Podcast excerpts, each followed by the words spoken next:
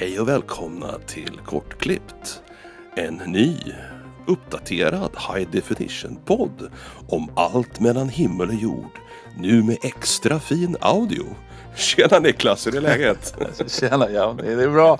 Det är bra. Vi, vi inviger din nya röda mick för podcastingen här och vi, vi försöker Ja, det gör vi. Riktigt gosigt radioprat. Vi får se om det lyckas. Jag ska fan baseboosta dig som fan. Ja, gör det. Jag, jag ber om ursäkt för eventuell ASMR där, men det blev som det blev. Ja, precis. Skägg i puffskyddet. Precis, ja. oj, oj, oj. Den, den bjuder vi på. Ja, nej men vi har ju faktiskt haft lite taskigt ljud och eh, Joni eh, tog på sig att eh, eh, prova ut lite här och köpt på sig en jättefin mick. Så, att, uh, så här, det här är väl testavsnittet då. Låter det bra när Joni pratar så är det bra och låter det dåligt när jag pratar så är det dags för mig också att köpa en mick. Precis. Jag tyckte det var kul liksom att ha möjlighet att testa en sån här rödig MT-USB. Det är inte plusvarianten som har en massa DSP-kompressorer och grejer utan den billigare varianten som de hade till salu för typ 1400 spänn på Amazon. Så jag slog till. Tyckte det kändes som en bra deal.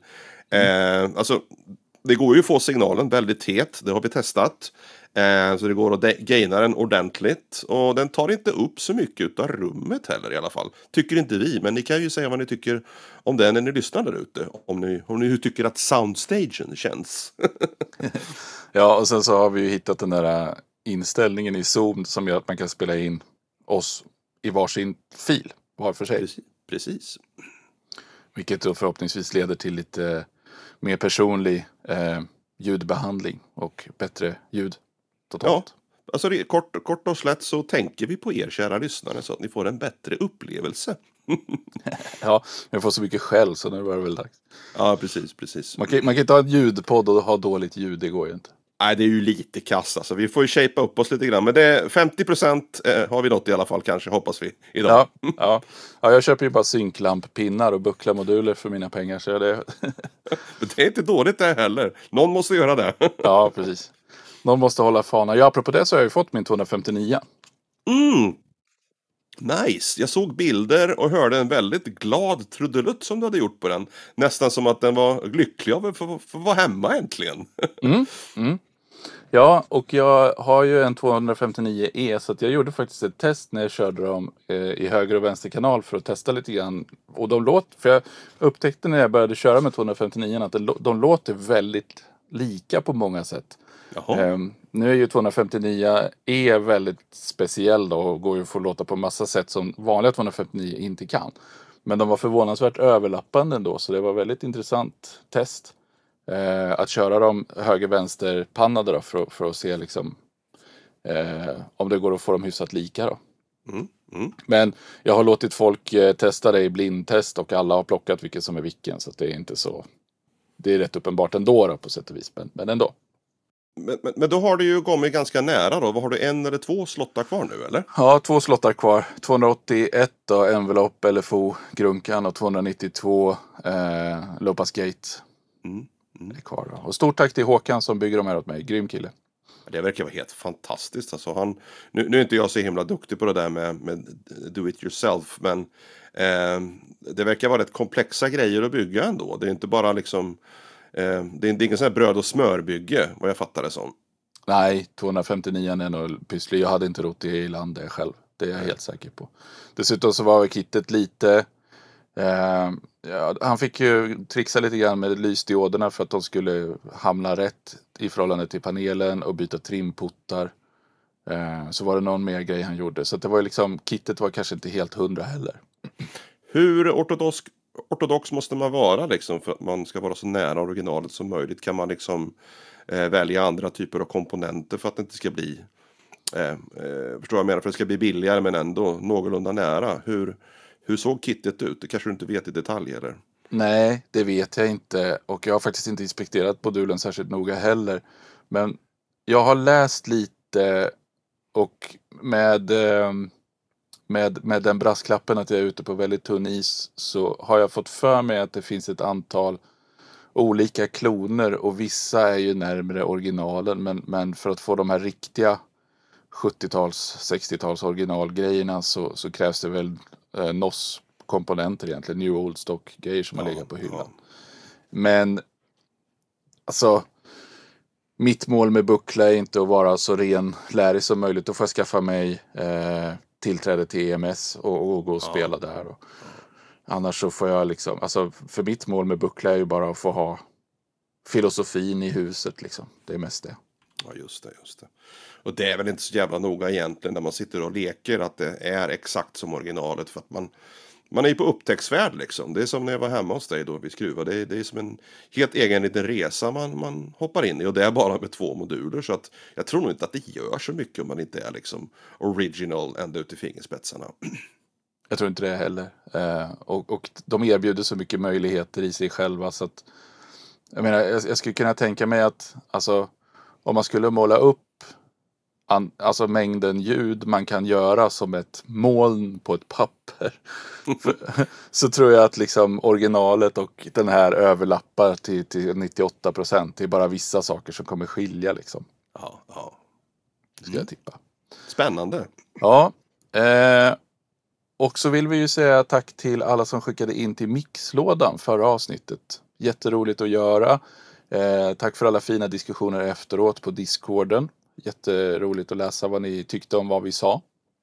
Ja, alltså det är helt fantastiskt. Det är nästan den stora behållningen tycker jag. Det är att få feedback på feedbacken. Eh, för att vi var lite sådär, jaha men kommer folk lyssna på det här då? Kommer folk tycka att det är roligt? Eh, vad vi har för alltså, åsikter och idéer. Två gamla syntgubbar liksom. Men det verkar ju vara som en, en ganska, ganska lyckad eh, tillställning faktiskt måste jag säga. Tittar man liksom på de låtarna vi lyssnade på, även feedbacken som vi gav och även det folk tyckte eh, om varandras låtar. Tyckte jag var fantastiskt kul. Så att eh, ett helt ett steg i rätt riktning tycker jag personligen. Liksom, för jag tycker det är kul att ta den här podden till den typen av nivåer där vi interagerar mycket mer än bara att vi sitter och tjötar och pratar. Liksom. Så att eh, stort tack, det var fantastiskt roligt. Yes, och då kan vi nämna att uh, Mind Expander, The Bobbing Head Syndrome, är ju släppt på streamingtjänster nu då sen i fredags va? Yes, ute på Spotify, Apple Music och allting. Jag har själv lagt till den i en playlist. Jag tycker den är grym den låten. Den växer, den växer. Ja det är den och den är ju verkligen liksom ända in i kaklet full on hela vägen. Det, det... Jajamän, fram med lasersvärden och kör liksom. ja, och, och, när vi ändå är inne eh, på det så skulle jag vilja säga tack till alla som hänger i våran Discord och hjälper till att göra det till ett trevligt ställe. Eh, vi sa ju från början Jaune och jag att vi tänker inte vara några poliser som, som försöker hålla ordning i någon sorts sandlåda. Men vi har ju verkligen inte behövt det och vi har inte behövt vara någon sorts lekledare heller som drar upp stämningen utan det, det sköter sig självt riktigt, riktigt bra. Ja, det är jättekul. Alltså, det är, så vi, vi har ju alla våra dagliga arbeten som vi sliter och grejer med så vi ska ha råd att köpa syntar. Och det är kul liksom att vi kan hoppa in som ett community och hjälpa varandra liksom mellan varven så. Så att eh, det är kul att se att det rör på sig och det verkar vara en sjukt bra stämning. Eh, jag, jag, tycker det är roligt varje gång jag hoppar in och ser något, någon ny bild eller någon ny diskussion ta fart liksom. Så att eh, det, igen, återigen så tycker jag det går helt, helt rätt riktning där. Så att det känns som att vi gör något rätt. ja, verkligen. Och, och, som sagt, tack till alla ni som, som eh, deltar och bidrar. Yes, eh, sen vill jag också nämna vår vän Peter Josefsson. Eh, han har också släppt nytt med sitt band Maper. Eh, lite mörkt, lite ambientaktigt fast med rytmer och, och blandat cello och, och modularsystem och grejer. Det är riktigt, riktigt fränt. Det ska ni kolla in. Så vi kör eh, länk i show notes på den. Yes, jag har faktiskt missat att lyssna på den själv. Eh, vi pratade om den precis innan vi började spela in. Så jag ska ta på mig hatten här, lyssnarmössan och, och köra igenom plattan. Mm. Det ska bli spännande. Tycker, absolut.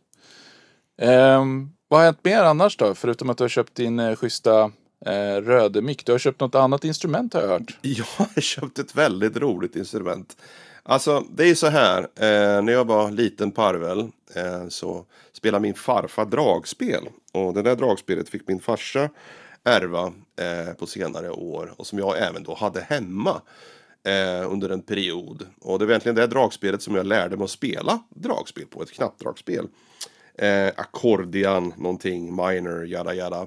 Billig historia, men det där dragspelet försvann i någon flytt och det lånades ut någonstans till någon och sen så kom det på villovägar och sen så, ja, kunde vi inte hitta det igen. Men så har jag efter många, många år letat med ljus och lykta och inte riktigt förstått vad det är för någonting jag behöver söka efter. Så fick jag hjälp då på det fantastiska forumet 99 eh, av vilka söktermer jag skulle leta efter för att kunna hitta den här typen av dragspel. Det är alltså ett eh, med finsk sättning och eh, fyra raders var egentligen de två nyckelorden. Och så fort jag knappade in dem på Google så dök det upp massvis med annonser. Eh, så jag budade hem ett sånt på Tradera för 300 spänn. det är helt sjukt billigt. Vad skönt med billiga instrument äntligen. Ja, det var lite skamfilat. Visst var det så här, du vet, naggat. Men bälgen var tät och det var par knappar som hade lossnat liksom. Men det är sådana här ersättningsknappar eller fuskknappar som man, de används ändå inte liksom. De, de är bara där för syns skull. Eh, så att det låter jävligt bra. Eh, det liksom har en fin klang och fin ton. Eh, så att jag tyckte det var extremt roligt att, att sätta mig ner och spela dragspel igen efter 15-20 år. Vad det nu var. upptäcka de här gamla melodierna som jag gjorde när jag var tonåring på på farfars gamla dragspel. Liksom. Så att det, det var en riktig höjdare och det har fått mig lite grann att inse värdet av att ha akustiska element i sina elektroniska låtar. Så jag gillar den idén, väldigt skarpt piano, gitarr, nu dragspel och även andra akustiska element för att skapa lite liv och rörelse. Och lite organisk känsla i musik då. Och det är någonting som jag hoppas eh, kunna använda dragspelet till faktiskt. Så att det, ja, det var en riktigt höjdarköp måste jag säga. 300 mm. spänn, 300 kronor i frakt då, men 600 tutti var inte så farligt. Nej. Men, men det är ju som vi pratade om redan på din intervju som vi hade, att, att ljud som har färdats genom luft får lite mer liv liksom, än som bara har färdats genom kabel. Absolut, jag kan inte göra annat än hålla mig till 100%. Det, det som är så kul, jag satt och tänkte fan nu kommer alla knapp tryckningar låta och bälgen kommer det låta och någon säkert min allergi, du vet, andning kommer det höras och men eh, folk har istället vänt det där till en positiv grej när jag gjorde den här första videon då. Jag gjorde, blandade en, en 303 eller en Avalon Baseline och, och dragspelet på uppdrag av Andreas Tilliander som ville att jag skulle göra en låt. Eh, så att det har blivit, istället så har det blivit att de här imperfektionerna är det som är roligt istället för den perfekta grejen liksom. Så att eh, eh, jag ska nog ta tillvara på det och fortsätta liksom inte vara så nitisk med fixande och trixande utan jobba lite mer, mer med brus och, och liksom ambient ljud i rummet och knappljud och sånt där. Och, eh, för jag tror det kan skapa väldigt roliga, roliga segment i de elektroniska stela musikvärlden. Mm, absolut. Ehm, det påminner mig om en grej jag måste nämna. Eh, jag åkte till min sommarstuga och gjorde musik en gång. Det vart aldrig klart men eh, då gjorde jag så att jag gjorde en trumloop som jag spelade upp genom en stereo i det rummet. Och så spelade jag in det ljudet och så la jag in det först i låten och sen så fejdade jag över till trumloopen rent elektroniskt då, som, den, som den är. Mm. Det gav, det gav en, eh, en riktigt skön känsla i början och för mig som är van att vara i det rummet, jag har ju befunnit mig där sedan jag var barn. Vi har ju ägt stugan sedan innan jag föddes. Uh, jag blir förflyttad till det rummet tack vare akustiken i ljudet. Liksom. Mm. Uh. Alltså, det är så kul att du säger det, nu kommer jag faktiskt på någonting. Uh, jag måste tänka mig på en, på en liknande grej som hände mig också ganska nyligen. Eh, Baby Audio har ju släppt en VST-plugin på gamla Yamaha CS01 om du kommer ihåg. Absolut. Och där har de även då gjort en emulering av högtalaren. Mm. Eh, och så när man snäpper på den här högtalaren så emulerar den högtalarljudet. Jag fick precis samma känsla. Att jag togs tillbaka till mitt eh, tonårsrum när jag hade min CS01 och satt och spelade på, på den genom högtalaren. För det hade ett väldigt distinkt sound när den kom ut där. Eh, jag vet inte, det var säkert dålig kvalitet, dålig bandbredd, whatever. You name it. Men eh, så fort jag slog på den här lilla knappen i VST-pluginen så var det exakt nästan, alltså så exakt som jag vill minnas att ljudet var. Det tyckte jag var extremt häftigt faktiskt. Ja. Eh, så att, eh, ja, det ligger något i det. Alltså gamla högtalare, låta ljud färdas genom rum. Eh, det hände något speciellt där tror jag. Ja, och kanske försöka hitta andra människors nostalgiska audiominnen, eller vad man ska säga. Ja, precis, precis. Psykoakustik på något sätt. Mm.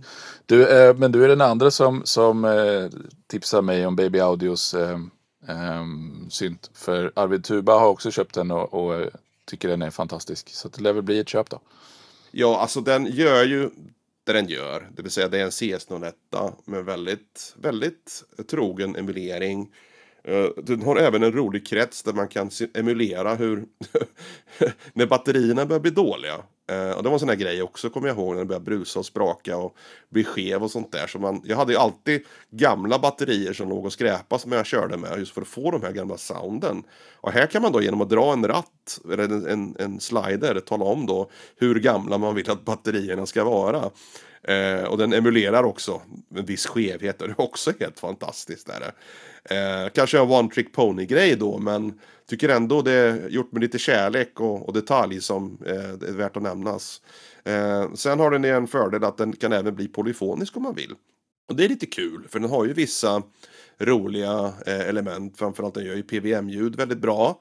Eh, så att det kan göra snygga pads och sånt där då med, eh, i ett polyfoniskt läge. Så att det är ett, eh, ett ja, innetips skulle jag vilja säga. Ta, ta och kolla den.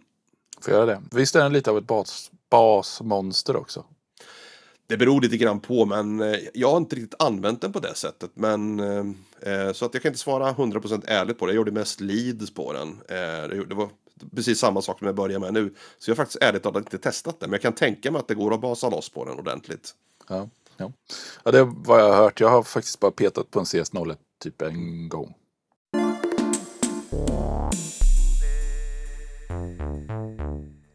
Ja, och sen kör jag två eh, skivbolag. Eh, SHS Dans och SHS Synt. Och jag skulle vilja prata lite grann om ett par releaser där. Eh, med SHS Synt så har jag nyligen släppt min eh, gamla jobbarkompis debutalbum, eh, Tobbe. Han kallar sig för Noise Forge och låten heter Patricks Song. Den eh, ligger i eh, SHS-listan i vårt Linktree.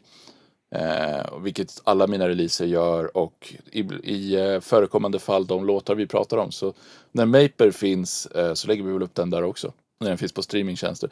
Men det är så kul för, för Tobbe är ju egentligen en, en hårdrockare. Han är en riktig rocker. Och eh, det hörs i musiken för att han blandar in sådana här ackordföljder som jag aldrig hade tänkt på. Eh, och det är liksom lite så här uh, power synt, liksom pudel liksom Synt, grej. Syntrock alltså? Ja, precis. Jag tycker det är skitfränt att höra. Så det, det var jätteroligt att jobba med den låten och få lägga upp den. Så att, eh, den tycker jag ni ska kolla in. Så här power synt wave på något sätt. um, och sen har Martin Jarl och Vevi gått ihop och gjort en låt. Det var Vevi som började på den och Martin Jarl tog upp den och eh, tog den vidare. Så den är också släppt. Eh, den heter We Need You och ligger på SOS Dans. Eh, mycket stolt över den releasen faktiskt. Den har varit riktigt, riktigt bra. Och den har rullat på bra också. Det är konstigt, det streamas ju dåligt. Eh, men den har rullat på riktigt bra. Det är kul. Jag gillar den som fan. Alltså jag är väldigt svag för det Martin gör rent generellt. Men det var ett kul samarbete att höra det han gjorde tillsammans med Weavy. Det tog ett litet annat sidestep än vad jag hade väntat mig. Men det där är en sån här låt som kommer att ligga i mina playlists väldigt länge tror jag. Så att eh, det är på min daily rotation just nu faktiskt. Jättekul.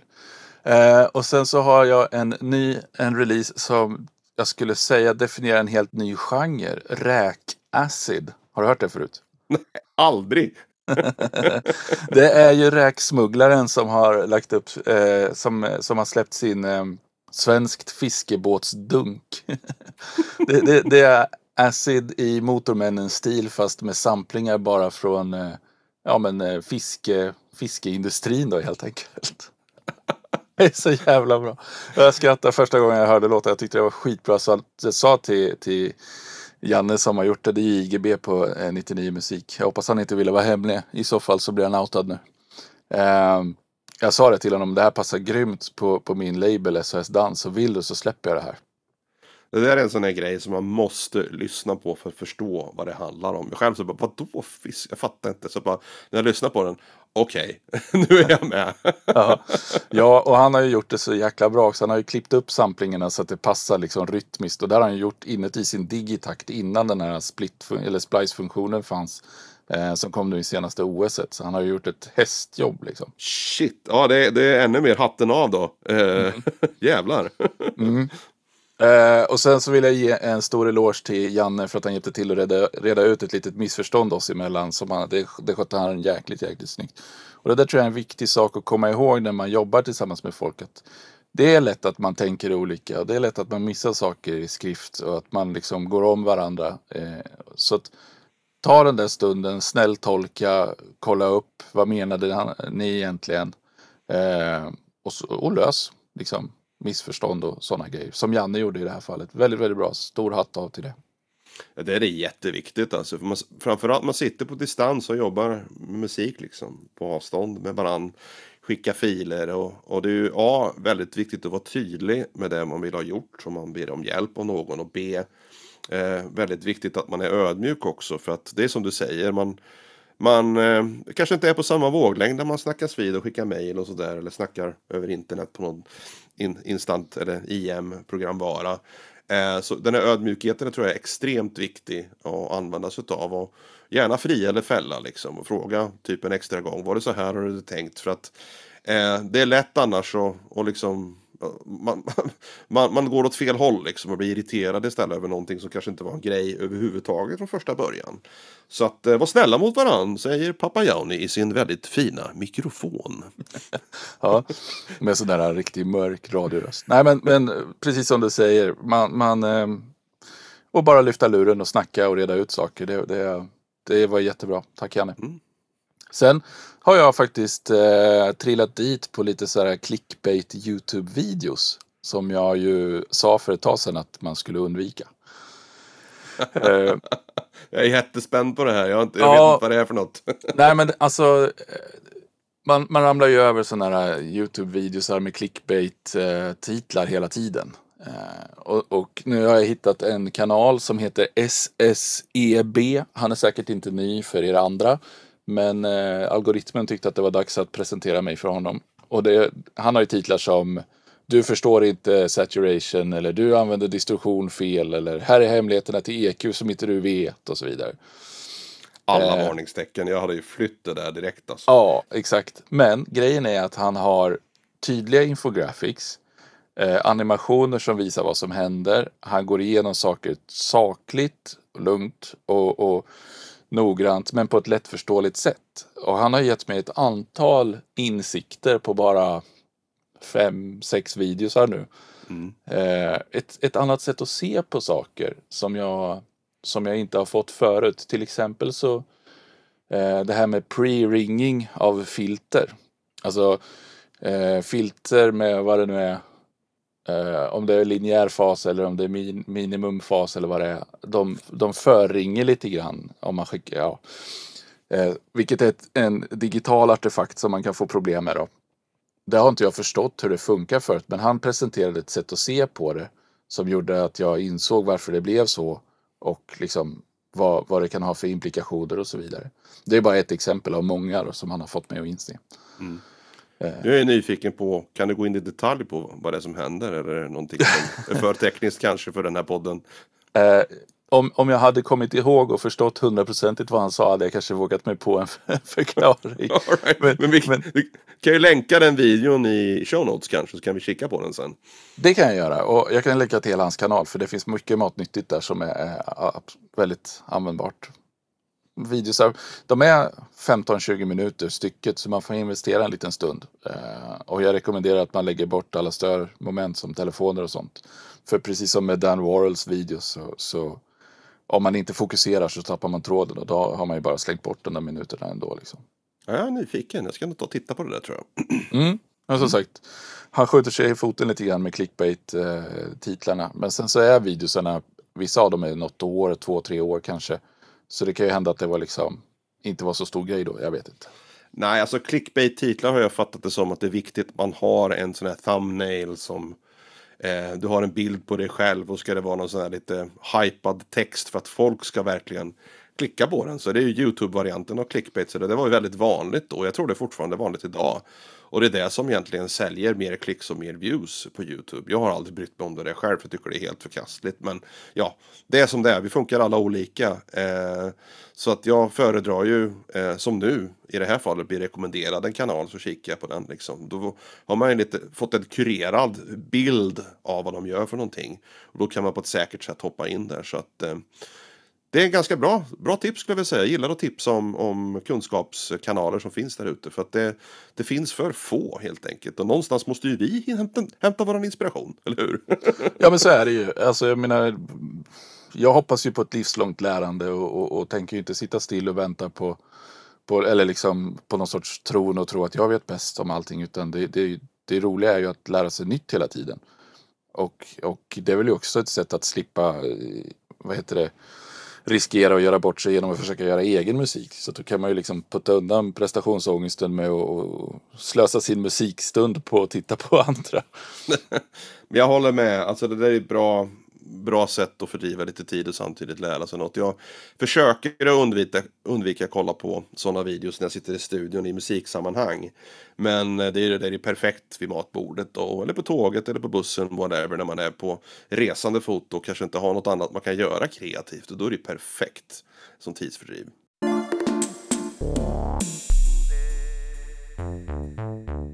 Ja, alltså har vi ju även sett att Superbooth har ju passerat revy här. Ah, jag var ju där, ja nu minns jag inte vilket år det var, men när jag bodde i Malaysia kan det ha varit något av de första åren, 17 eller 16 eller 18 någonstans där kring. Eh, och det var en fantastisk tillställning, jätteroligt att träffa leverantörer och andra YouTubers och eh, vänner och bekanta som även var där. Eh, men det är ett problem med de här eh, stora mässorna. Eh, framförallt om man sitter liksom på avstånd och tittar på YouTube och sådär. Som vi snackade om tidigare. För att man blir ju fylld av ett ha-begär. Att köpa grejer. Så det är nästan något otroligt. Eh, så vi skulle vilja prata lite kort om det där. Alltså, jag har ju själv en filosofi eh, när jag tittar liksom på om jag ska köpa ett nytt instrument till min studio. Att jag har en plats i studion och en, en, även en plats i mitt workflow redan färdigt för instrumentet. Så att jag har liksom under en period då gått och saknat någonting. Eh, det finns ett gap, eh, antingen ljudmässigt sett eller funktionsmässigt sett. Och sen pejlar jag liksom internet och, och alla andra forum efter något instrument som kan tänkas fylla det här gapet. Eh, och då blir det mycket enklare att inte åka dit på en sån här, oh, look at that new shiny thing, typ av grej. Och den ser häftig ut och fan vad cool den låter, oj vad många knappar den har. Och sen springa och köpa någonting på, på Alltså i ren tro då att den ska lösa eh, ditt problem med dina låtar eller ge dig nya idéer eh, från första början. Eh, och det där har ju funkat ganska bra för mig under en lång period. Jag har gjort några felsteg. Jag köpte en TR06 som kanske inte riktigt var meningen att ha. Eh, för den funkar inte alls i mitt workflow. Eh, eh och sen har jag även sålt par, av ett par andra grejer eh, som inte riktigt har funkat i mitt workflow heller. Eh, men ingenting som jag kände liksom du vet, och verkligen varit ett tok-onödigt köp. Så att det där är någonting som jag tycker är viktigt att vi tänker på. Eh, vissa apparater, vissa instrument, de triggar ju ändå ett visst behov Eh, som kanske kan liksom ge en indikation på ett nytt tankesätt eller ny, nytt workflow, nya typer av ljud och sånt där som man inte haft tidigare.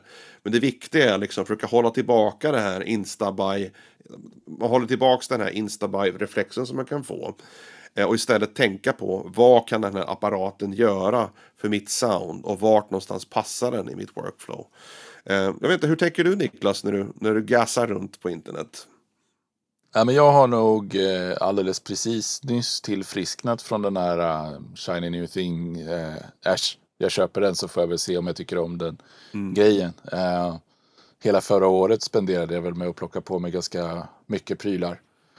Eh, så, så ja, jag, har nog fortfarande stort feltänk där.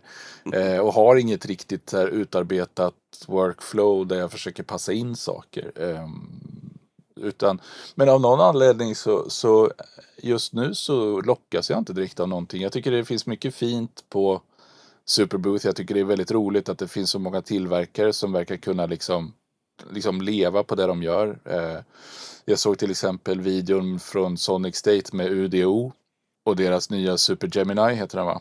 Ja, den är, oj, oj, vilken maskin. Mm. Mm. Och, och liksom, det är ju ändå en ganska stor premiummaskin och deras Super Six som de också har kört ett tag är ju, är ju också en fin maskin för ganska mycket pengar. Men det verkar ju liksom flyga. De verkar ju klara det där. Eh, det tycker jag är skitkul och det finns ju mängder av andra sådana tillverkare som, som jag kanske inte kommer på just nu. Ehm, så det är jättekul och jag inspireras av att se dem visa upp sina saker. Ehm, jag tycker också det är jättekul att eh, Analog Sweden har fått ut sin Swenigizer. Ehm, och den verkar få så positivt mottagande, tycker jag också är jättekul. Så, så jag är nog mest så här just nu glad att se eh, allt som kokar i branschen. Men kanske inte nödvändigtvis så, så vansinnigt sugen själv. Nej, men det där är en jättebra eh, sitt som du själv har placerat dig i tror jag. Det måste vara medvetet. för att eh, Och just att ha den, den, eh, den vinkeln liksom att titta på branschen istället för att automatiskt, automatiskt även då kanske vilja köpa instrumentet och få ett HBR för det. Jag måste ändå säga det att jag har ju fortfarande gas efter mycket grejer som jag sett på Superbooth. Men jag tillåter mig inte själv att, att ta de stegen just nu.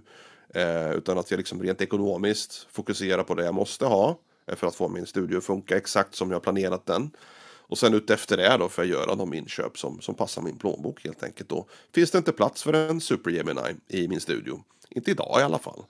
Men jag håller med, alltså det, det finns ju mycket kul grejer som har dykt upp och eh, extremt många roliga syntar och extremt många eh, alltså tillverkare från Sverige tycker jag också som har varit välrepresenterade. Vi brukar ju prata om Teenage Engineering och många säger att oj vad dyrt det är, oj vad billigt det är, de är design. Men eh, det som är viktigt här är att de ändå representerar ju Sverige med sina produkter och där och det tycker jag är extremt roligt att vi har så många bra, alltså elektron och det är liksom Svenigizer som du nämnde. Det finns extremt många, både små och stora aktörer inom Svea rikets gränser. Det tycker jag är skithäftigt. Så att mer sånt, mer svenska mm. syntar. Mm. Jag ska väl nämna Sebsongs också, vad som hänger på 99. Ja, precis, det måste vi göra. Tack. Tack för att du sa det. Eh, och även såklart Klavia, de är med på törn där. Den lilla mm. spelaren. ja. ja, precis. Eh, Ja, och dagens eh, sista lilla avsnitt blir en halvfilosofisk hörna. Jag har nämligen eh, kommit till en viss insikt. Eh, det är så här. För ett tag sedan så hade jag besök av en herre i min studio som är med i ett eh, känt svenskt syntband. Och vi lyssnade på lite olika låtar och snackade lite skit. Och så eh, har jag hjälpt honom med mastering av några av hans egna låtar. Och efter lite prat då så fick jag tillgång till hans bands senaste skiva i form av både pre-master och filer som är mastrade av ett proffs. Eh, vilket då gav mig möjlighet att lyssna på vad proffset har gjort och skillnaden mellan eh, pre-mastern och mastern och liksom försöka förstå vilka förändringar som en, en proffsmastering innebär. Men det jag gjorde var att jag började med att försöka mastra två av låtarna själv. Utan att lyssna på eh, den färdiga proffsmastrade. Jag hade ju hört den förut på streamingtjänster och sådär. Men, men inte liksom lyssnat ordentligt och jämfört. Så jag satte fart och så mastrade jag och så tyckte jag att ja men där, nu, nu är jag klar. Och så jämförde jag med primastern och tänkte ja men nu har jag gjort ett gediget arbete. Nu, nu, nu är det den skillnad som jag förväntar mig. Och så bytte jag till proffsmastern. Och det var fan i mig lika stor skillnad mellan proffsmastern och min master som det var mellan min master och den helt omastrade. Och då inte i form av pressat hårdare eller liksom mer mättnad och, och alla möjliga sådana där äh, bells and whistles eller, eller liksom billiga tricks. Utan det var verkligen alltså bättre på alla objektiva och subjektiva plan bättre i den mastrade varianten. Och då fick det mig att tänka så här att du vet, man, man vet inte hur bra någonting kan vara förrän man har upplevt det. Och jag är säker på att de flesta som lyssnar har upplevt det här med andra saker, till exempel ett konsertbesök eller mat som har varit proffslagad. Jag menar, alla kan ju alla kan ju köpa hem en grillbit och, och, och, grilla den hemma. Men, men om du går på en restaurang som kan kött och får riktigt bra kött tillagat på ett bra sätt så slås du av hur jävla bra det blir. Och det kan ju vara andra sorters konsumtionsvaror, vin, öl, whatever liksom. Men, men, men eller ett, ja, för den skull en, en väldigt fin bil. Eh, har du väl åkt i en Jaguar så vet du att den är tyst liksom, och, och, bekväm eller vad det nu kan vara. Det beror på vad det är för årsmodell. ja, absolut. Men, men själva grejen är liksom det här att, att, att eh, det, det jag vill försöka komma fram till är att som, som när man jobbar med konst åt andra, som ju mastering och mixning är, så måste man själv ha en inbyggd känsla för hur bra det kan bli och alltid sträva för att komma dit. Eh, och inte nöja sig för tidigt så att säga, utan man måste förstå liksom att ja, men den här nivån är möjlig eh, och, och, fortsätta jobba mot den. Så det var en väldigt stark insikt för mig. Eh, att liksom, oj, det kan bli så här bra. Då ska jag inte släppa det förrän, förrän det är det. Sen ska det ju nämnas att den här proffsmastern har ju mängder av års erfarenhet och mängder av prylar. Eh, både hårda och mjuka och, och, och kunskaper. Så det är ju ingenting som jag kan mäta mig med i alla fall. Men på jag kul. Jag tror det är den där kompressorn du saknar bara som Ja precis, jag måste ha en Fairchild kompressor för 70 000 liksom. Mono. Nej men, men eh, så, så att eh, jag roade mig naturligtvis med att försöka få mina mastrar att låta så likt eh, proffsets som möjligt. Och eh, jag har gjort två låtar så, än så länge av hela albumet och ja, den ena är ju inte alls lik. Den har inte fått liksom hela vägen fram. Men den andra börjar närma sig ganska hyfsat och det tycker jag är lite kul. Att, att kunna lyssna på en proffsmastrad med, med liksom gjord med hårdvara och erfarenhet och försöka få ett ljud som är hyfsat likt det. Jag tycker att du ska ha en extremt mycket eloge till din, till din ditt arbetssätt och hur du analyserar det som hände när du gjorde mastering och den, den, de slutsatserna som du drar efter att du gjort eh, den här lilla resan. För att eh, det som är viktigt, egentligen det viktigaste, det är ju att, att lära sig genom att kopiera andra och göra liksom som man tror att de andra har gjort. För att liksom, det är Suzuki-metoden, learning by doing. Och det är det du gör. Du utvecklas ju genom att du försöker liksom eh, reverse engineer det arbetet som den här andra proffsmastern har gjort. Och det är så du kommer att växa som, som tekniker och också som musiker. Och det är egentligen den resan som vi alla är på och som vi egentligen sitter här. Det är därför vi sitter här idag. För att vi vill lära oss mer och vi vill lära ut och det vi har lärt oss själva liksom. Eh, det tycker jag är extremt spännande och kul historia. Faktiskt mm. jättekul historia. Mm. Ja, men alltså, man blir ju ödmjuk och sen så, så tar jag med mig det som en lärdom och så hoppas jag att jag kan leverera bättre produkter.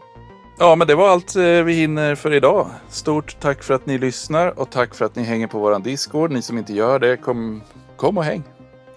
Kom och häng. Nu är vi även i hög definition. Tack och hej. Ja, tack och hej.